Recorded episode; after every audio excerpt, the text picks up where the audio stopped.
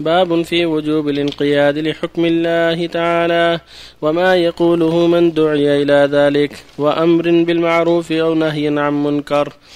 قال الله تعالى فلا وربك لا يؤمنون حتى يحكموك فيما شجر بينهم ثم لا يجدوا في أنفسهم حرجا مما قضيت ويسلموا تسليما.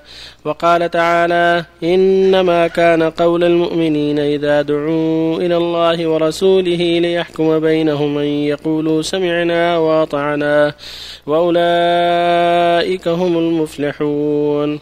وفيه من الأحاديث حديث أبي هريرة المذكور في أول الباب قبله وغيره من الأحاديث.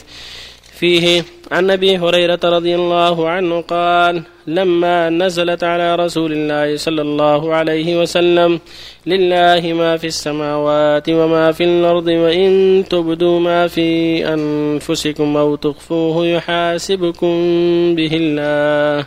اشتد ذلك على أصحاب رسول الله صلى الله عليه وسلم فأتوا رسول الله صلى الله عليه وسلم ثم بركوا على الركب فقالوا أي رسول الله كلفنا من الاعمال ما نطيق. الصلاة والجهاد والصيام والصدقة وقد أنزلت عليك هذه الآية ولا نطيقها. قال رسول الله صلى الله عليه وسلم أتريدون أن تقولوا كما قال أهل الكتابين من قبلكم سمعنا وعصينا. بل قولوا سمعنا واطعنا غفرانك ربنا وإليك المصير. فلما اقترعها القوم وذلت بها ألسنتهم أنزل الله تعالى في إثرها آمن الرسول بما أنزل إليه من ربه والمؤمنون. كل آمن بالله وملائكته وكتبه ورسله. لا نفرق بين أحد من رسله. وقالوا سمعنا واطعنا غفرانك ربنا وإليك المصير. فلما فعلوا ذلك نسخها الله تعالى فأنزل الله عز وجل لا يكلف الله نفسا إلا وسعها. لها ما كسبت وعليها ما اكتسبت. ربنا لا تؤاخذنا إن نسينا أو أخطأنا. قال نعم. ربنا ولا تحمل علينا إصرا كما حملته على الذين من قبلنا. قال نعم. ربنا ولا تحملنا ما لا طاقة لنا به. قال نعم واعف عنا واغفر لنا وارحمنا أنت مولانا فانصرنا على القوم الكافرين. قال نعم رواه مسلم. بسم الله الرحمن الرحيم. الحمد لله وصلى الله وسلم على رسول الله وعلى آله وأصحابه ومن اهتدى بهدى أما بعد فهذه الآيات والحديثان كلها تدل على وجوب الإصغاء والاستجابة لما أمر الله به ورسوله وأن الواجب على كل مسلم أن يقبل حكم الله وأن يقنع به وأن يحذر مخالفته وأن يستجيب لدعوة الله. قال جل وعلا فلا وربك لا يؤمنون حتى يحكموك فيما شجر بينهم ثم لا يجدوا في أنفسهم حرجا مما قضيت ويسلموا تسليما. ويقول جل وعلا أفحكم الجاهلية يبغون ومن أحسن من الله حكما لقوم يوقنون. ويقول جل وعلا إنما كان قول المؤمنين إذا دعوا إلى الله ورسوله ليحكم بينهم أن يقولوا سمعنا وأطعنا. وأولئك هم المفلحون. فالمفلح من سمع وأطاع واستقام على الحق هو الفائز بالسعادة في الدنيا والآخرة. وقال جل وعلا ومن لم يحكم بما أنزل الله فأولئك هم الكافرون. ومن لم يحكم بما أنزل الله فأولئك هم الظالمون. ومن لم يحكم بما أنزل الله فأولئك هم الفاسقون. قال عز وجل يا أيها الذين آمنوا استجيبوا لله وللرسول. إذا دعاكم لما يحييكم هذا الواجب على الجميع. وتقدم قوله صلى الله عليه وسلم كل أمتي يدخل الجنة إلا من أبى. قيل من أبى؟ من يأبى. قال من أطاعني دخل الجنة ومن عصاني فقد من أطاع الله الله وعده الجنة والكرامة. ومن عصى فقد أبى دخول الجنة. يعني قد عرض نفسه للنار بامتناعه من طاعة الله والعياذ بالله. فطاعة الله من أسباب دخول الجنة والمغفرة وعصيان الله من أسباب عدم المغفرة ومن أسباب دخول النار. ومن ذلك الحكم بغير ما أنزل الله. والتخلف عن عما أوجب الله والتكاسل عما فرض الله عليك أو الوقوع فيما حرم الله عليك. كل هذا من الخطر العظيم. فالواجب على كل مؤمن أن يهتم بهذا الأمر وأن يحذر التخلف عما أوجب الله عليه أو الوقوع فيما حرم الله عليه.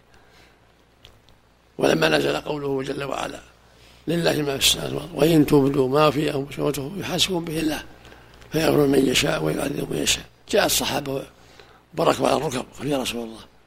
حملنا من عمل نطيق الصلاة والصوم والزكاة والحج. ولكن هذا ما نطيقه. لأن النفوس يقع فيها ما يقع. قد يوسوس قد يقع وساوس من يطيق السلامه من هذه الوساوس؟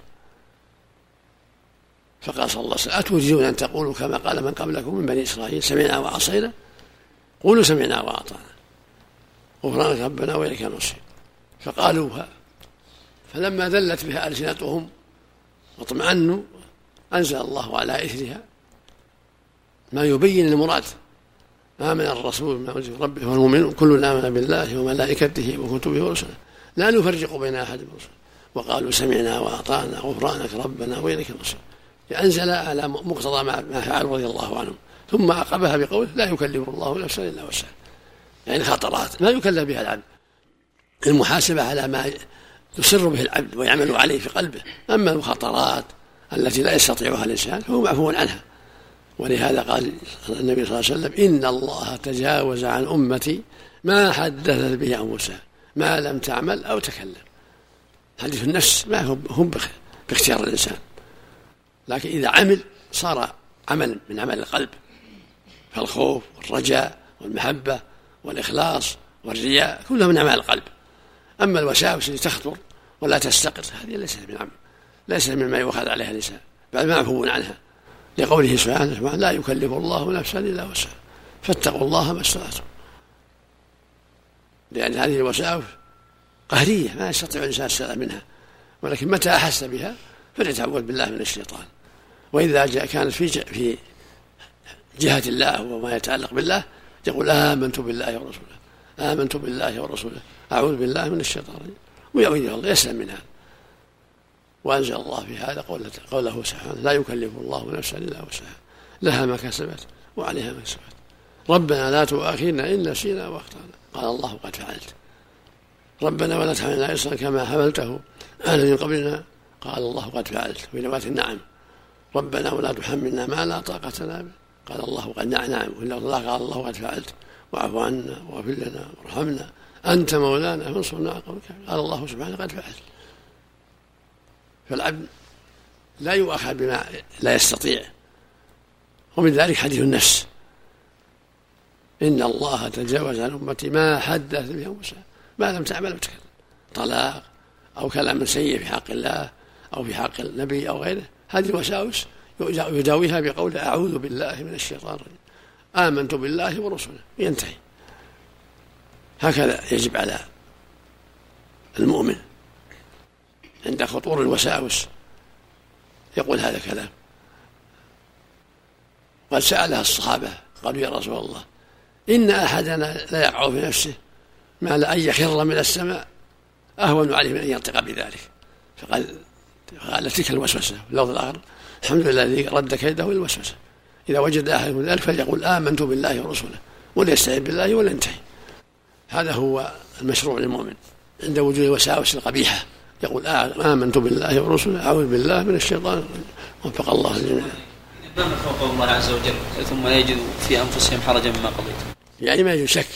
يسلمون لأمر الله. ويتعوذ بالله من شر الوساوس هذا معناه. لكن يؤاخذون عند عدم تسليمهم في أنفسهم. إذا خضعوا لهذا يؤاخذون بها اما ما دام وساوس لا أما إذا مالوا إليها وأخذوا بها وشكوا دخلوا في حكم الشاكين حكم الكافرين. إذا حديث النفس أحسن الله عليك مقصوده في الآية؟ ما يتعلق بالنفس. وساوسها قد يوسوس الإنسان في نفسه في استواء الله على عرشه في خلقه الأشياء في إرساله الرسل في الجنة في النار في غير هذا من ما يأتي به الشيطان أو بالله. الآية يا شيخ بارك الله فيك. يا أيها الذين آمنوا اتقوا الله حق تقاته. منسوخة. لا هي منسوخة. حق تقاته يطاع فلا يعصى وأن ينكر فلا ينسى وأن يشكر فلا يكفر. يعني استقيموا على طاعته التي أوجب عليكم وعلى ترك معصيته. سلامكم الله يا شيخ. تولي المنافقين عنه. إدبارهم يعني إدبارهم عنه. يعني بغضهم. إدبارهم وإعراضهم عنه. شيخ كيف صار كفرا بالبغض له أو بالشك فيه؟ بغضه بغضه وإنكاره والتكذيب في الباطل صلى الله عليك هل يستحب قراءة خواتم البقرة عند الذنب أو الاستغفار أو مع الاستغفار عندما يذهب الأمر؟ يقول النبي صلى الله عليه وسلم من قرأ الآيات من آخر سورة البقرة في ليلة كفتاه يعني من كل سوء الآيتان مع من الرسول. إذا فعل معصية متعمدا وقال بعد ربنا لا تؤاخذنا إن نسينا وأخطأنا. هل هو هل هو صح؟ لا مش بخطأ ولا نسيان. لكن إذا أراد أن يخطأنا من من بالمعصية يقول يسأل ربه اللهم اغفر لي خطيئتي اللهم تب علي. ويصدق يتوب إلى الله ويندم ويقلع ويعزم أن لا يعود ويكون صادق في الدعاء يتوب الله عليه. أن يكون الحاكم مؤمن بالله ولكن لم يحكم بشريعة الإسلام؟ عليه أن يحكم الشريعة. وإذا ترك تحكيم الشريعة لشكه فيها أو لأن غيرها أحسن منها صار كفر أكبر. وإذا تركها لهوى يكون كفرا أصغر. أحسن الله إليك. صحيح البخاري لا يجلد أحدكم امرأته كجلد العبد. هل يدل هذا أن العبد يجلد إذا أخطأ؟ جلد العبد تقدم. يعني يرفق بها. هذا معنى. العبد يزيد يزيد جلدها أسود من جلد الزوجة نعم. قد يكون أخطأ كبير. فإذا جلد جلد مؤلم لا بأس. حتى يتأدب. أما المرأة من مثلها. راح تأتي من خفيف. بنت الناس والجلد الشديد يسبب الفرقة والاختلاف. لكن لابد شيء خفيف يحصل به المقصود من دون أن تشتد الأمور بينهما.